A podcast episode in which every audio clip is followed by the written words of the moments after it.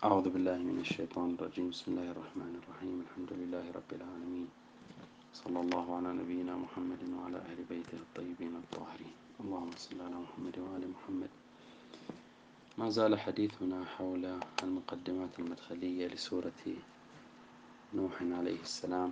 تحدثنا في الجلسة السابقة حول التسمية وقلنا بأنه لم يقع هناك أي خلاف بين علماء التفسير وعلوم القرآن في تسمية السورة فلها اسم واحد وهو الاسم المتداول وهو سورة نوح. تحدثنا بشيء من الإلماح عن موضوع تسمية السور القرآنية وقلنا بأن هذه التسميات مختلف فيها هل هي توقيفية من الله سبحانه وتعالى أو من رسوله أو أنها اجتهاد آه، من علماء المسلمين. وطرحنا احتمالا ثالثا بأن منها ما هو ما يحتمل أن يكون توقيفيا ومنها ما يحتمل أن يكون اجتهاديا. و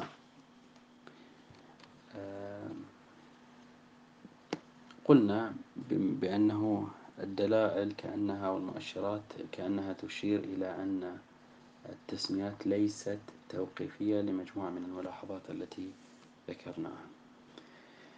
المحور الثاني هو عدد آيات هذه السورة المباركة.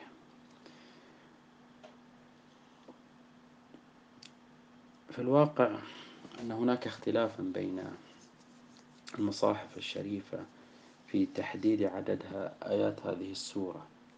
فهناك من الروايات لبعض المصاحف تقرر وتذكر ثمان وعشرين آية وروايات أخرى تذكر أن عدد آيات هذه السورة ثلاثون آية. قبل أن ندخل في التحقيق أو محاولة التحقيق في الأمر لا بد من التذكير بنقطة آه، ربما تكون واضحة ولكن لا بأس بالإشارة إليه من باب المدخل. تعلمون بأن القرآن الكريم وصل إلينا من خلال مجموعة من الروايات. يعني الرواية المتداولة والأكثر تداولا هي رواية حفص عن عاصم. هذه الرواية المتداولة في المناطق العربية أو أغلب المناطق الإسلامية. وهناك رواية أخرى مثلا رواية خلف عن حمزة ورواية ورش عن نافع ورواية قالون عن نافع. هذه متداولة في بعض الدول العربية مثل المغرب آه، دول المغرب وخصوص يعني مملكة المغرب وقسم من القراءة من هذه القراءات متداولة في ليبيا. بملاحظة هذه المصاحف وجدنا أن رواية حفص عن عاصم ورواية خلف عن حمزة ورواية ورش عن نافع ذكرت أو عددت 28 آية في هذه السورة. أما رواية قالون عن نافع فقد عددت ثلاثين آية. هنا التساؤل الذي يطرأ في أذهاننا. هو هل آيات السورة في رواية حفص وخلف وورش أو ورش ناقصة لأنها 28 آية وأنها في رواية قالون أو أنها في رواية قالون زائدة؟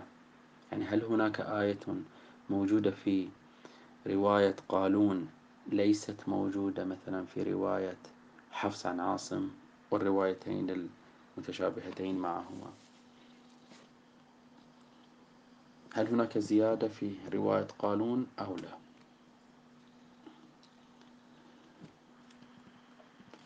في الواقع لا توجد هناك آيات زائدة. يعني هذا الفرق في آيتين ليس ليست آيات زائدة عن الروايات الأخرى.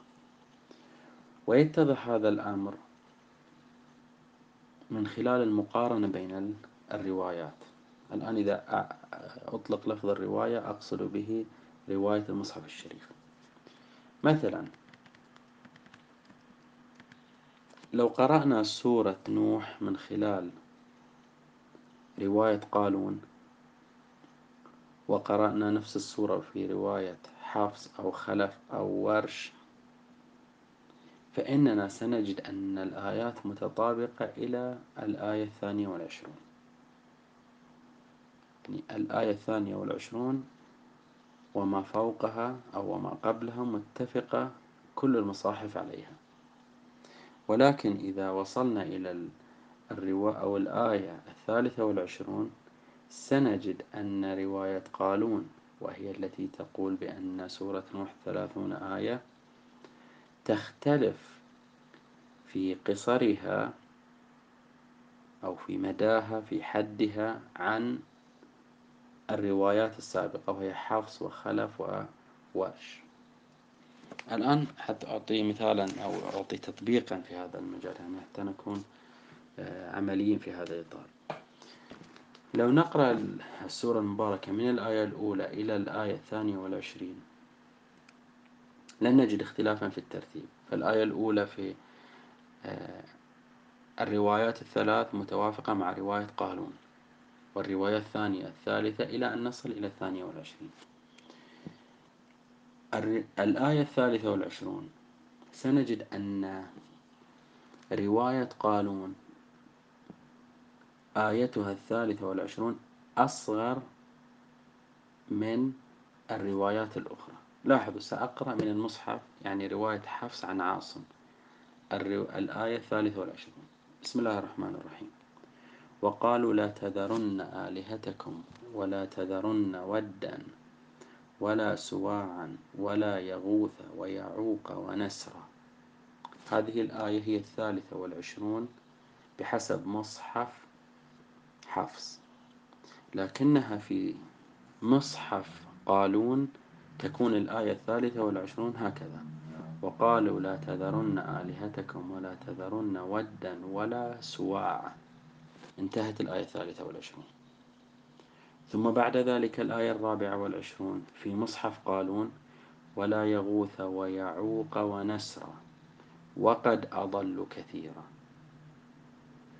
هذا المقطع الذي هو الآية الرابعة والعشرون في مصحف قالون هو جزء من الآية الثالثة والعشرون من مصحف حفص وجزء من الآية الرابعة والعشرون أو الرابعة والعشرين من آه، مصحف حفص. الآية الرابعة والعشرين من مصحف حفص.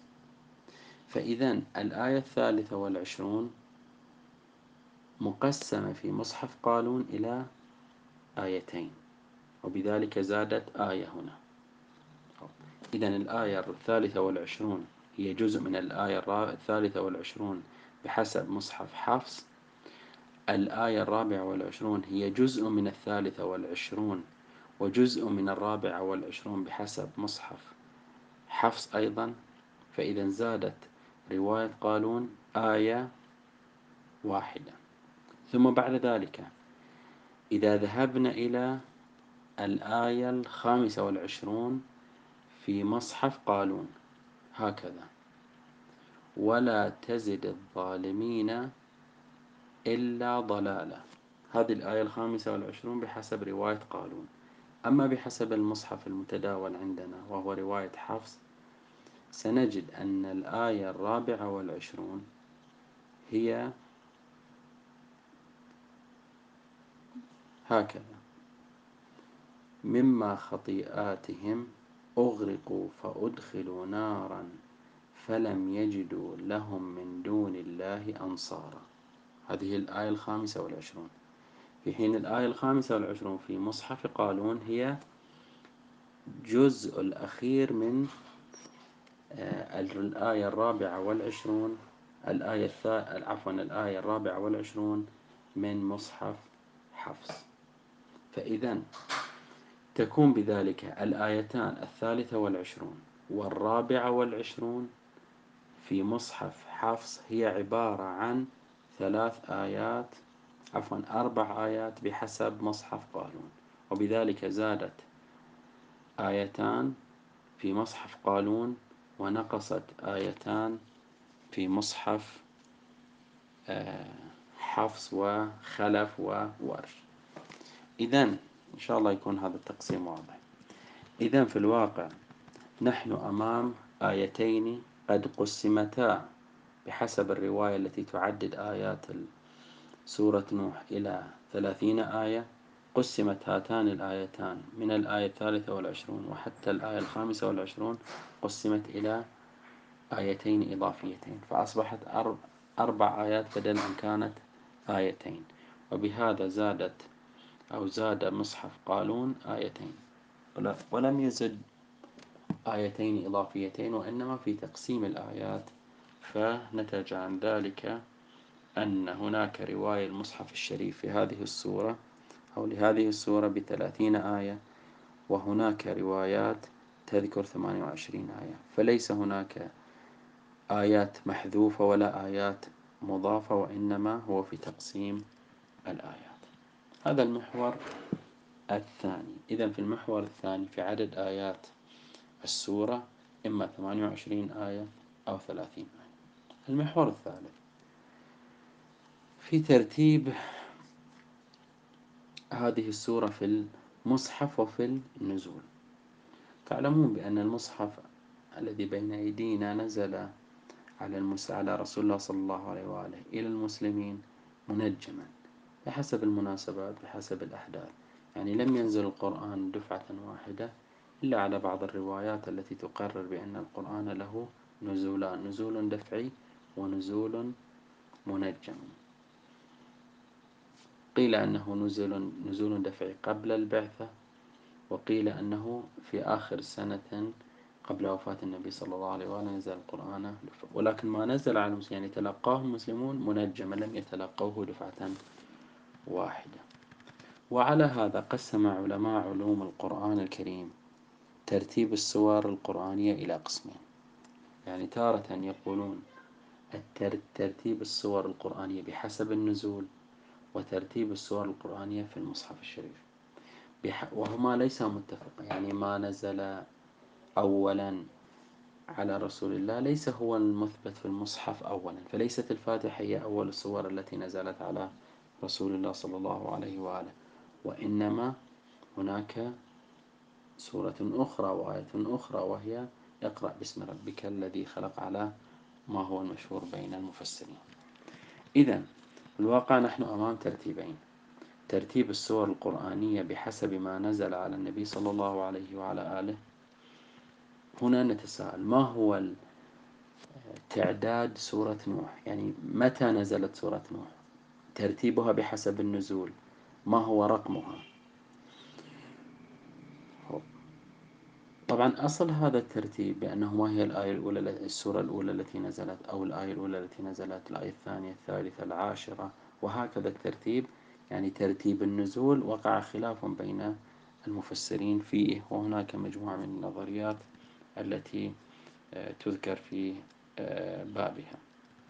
إذا ترتيب النزول وقع فيه خلاف آه، لم يعني يتحد المسلمون والباحثون على على ترتيب معين بحسب النزول.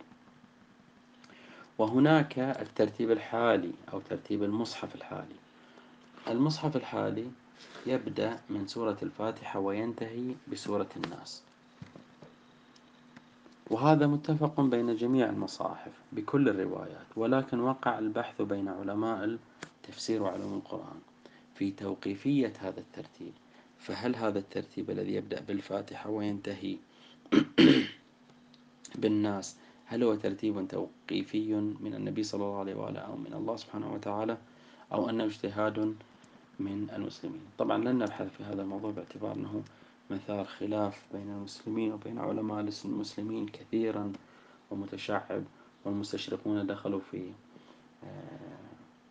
آه، الخط وهناك نظريات متعددة ممكن الرجوع إليها في مضامها ما يهمنا أن نحدد سورة نوح بحسب النزول ما هو ترتيبها وبحسب المصحف الشريف ما هو ترتيبها. طبعا بحسب النزول هناك آراء متعددة. المشهور بينهم بأن المشهور بينهم بأن المشهور بين علماء المسلمين بأن بأن سورة نوح بحسب نزولها فإنها فإن تعدادها هو السورة الواحد والسبعون. تسبقها سورة نوح وتليها سورة إبراهيم. يعني عندما نزلت سورة نوح عفوا تسبقها سورة النحل وتليها سورة إبراهيم. يعني نزلت سورة النحل انتهت سورة النحل ثم بعد ذلك نزلت سورة نوح وهي رقم 71 انتهت سورة نوح نزلت بعد ذلك سورة إبراهيم. هذا رأي. رأي آخر وهو رأي المستشرق الألماني نولدكي يقول أنها بحسب النزول هي الآية الرابعة والخمسون وتسبقها سورة الصافات وتليها سورة الدخان. الآن لا يعنينا فعلا البحث عن صحة أو أيهما أصح من الترتيب ترتيب النزول أو بحسب النزول ترتيبها بحسب النزول. المهم أن هناك آراء مختلفة رأي بين علماء المسلمين ورأي بين المستشرقين. أما بحسب الترتيب الحالي وفي المصحف الحالي الموجود بين أيدينا فترتيبها أيضا السورة الواحد والسبعون. إذا هي متوافقة مع آه، الرأي الأول في ترتيب النزول فتكون بذلك سورة نوح عددها أو ترتيبها الواحد والسبعون أو الحادي والسبعون. بحسب النزول وبحسب الترتيب وترتيب المصحف الشريف. هذا ما آه، يمكن أن يقال في ترتيبها بحسب النزول بحسب المصحف. المحور الرابع محور يرتبط بهوية الصورة. والمقصود من هوية الصورة هو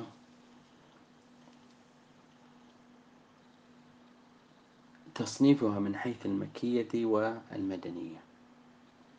أيضا لا بد أن نشير هنا فقط إشارة سريعة حول معيار ومعيارية آه، المكية والمدنية. هو تصنيف الآيات القرآنية والسور القرآنية بحسب ما هو مكي ومدني. واحد من التصنيفات الرائجة في الأوساط أوساط علماء التفسير. فيقولون هذه السورة مكية هذه السورة مدنية. حتى الآيات يقولون هذه الآية في هذه السورة مكية وهذه الآية في السورة في هذه السورة مدنية. يعني قد تكون السورة أغلبها مدني ولكن بعض آياتها مكية. أو أغلبها مكي ولكن بعض آياتها مدنية. هنا يعني بحث مفصل أيضا في هذا الإطار. ولكن ما هو الضابط في كون السورة مكية أو مدنية؟ هل لأنها نزلت في مكة وتلك نزلت في المدينة؟ أو لا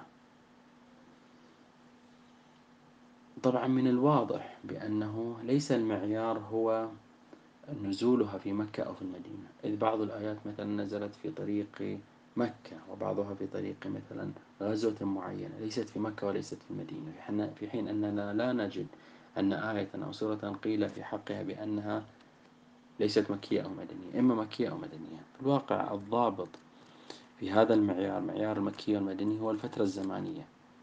بمعنى أن هذه السورة أو هذه الآية هل نزلت في فترة الفترة المكية من حياة الدعوة الإسلامية؟ فتكون مكية حتى لو نزلت في الطائف حتى لو نزلت في طريق مثلا آه، المدينة.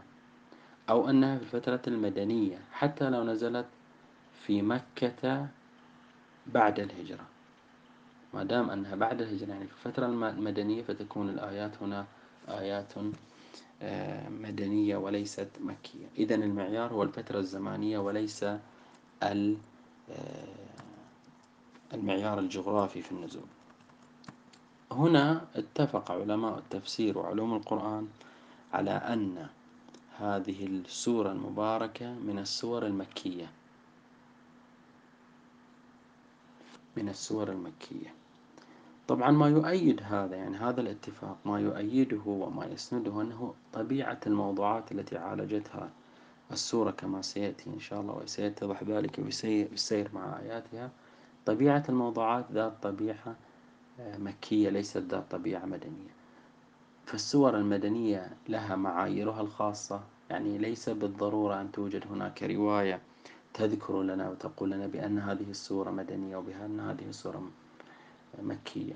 وإنما اقتنص علماء التفسير وعلوم القرآن اقتنصوا بعض المعايير التي تسهل عليهم تصنيف هذه السورة مثلا بأنها مكية وبأن هذه السورة سورة مدنية.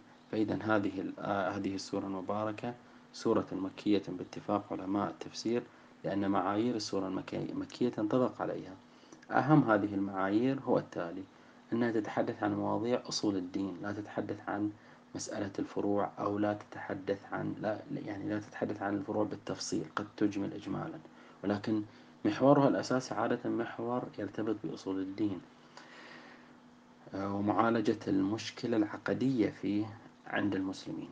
هذا معيار. المعيار الآخر لمكية السورة هو قصر مقاطعها وآياتها. فآياتها تكون قصيرة خلافا للسور أو الآيات المدنية التي تكون عادة آياتها طويلة. هذا هذان المعياران يتفقان وينطبقان على سورة نوح وبذلك يمكن تصنيفها والقول يعني بوضوح بأنها من السور المكية وليست من السور المدنية.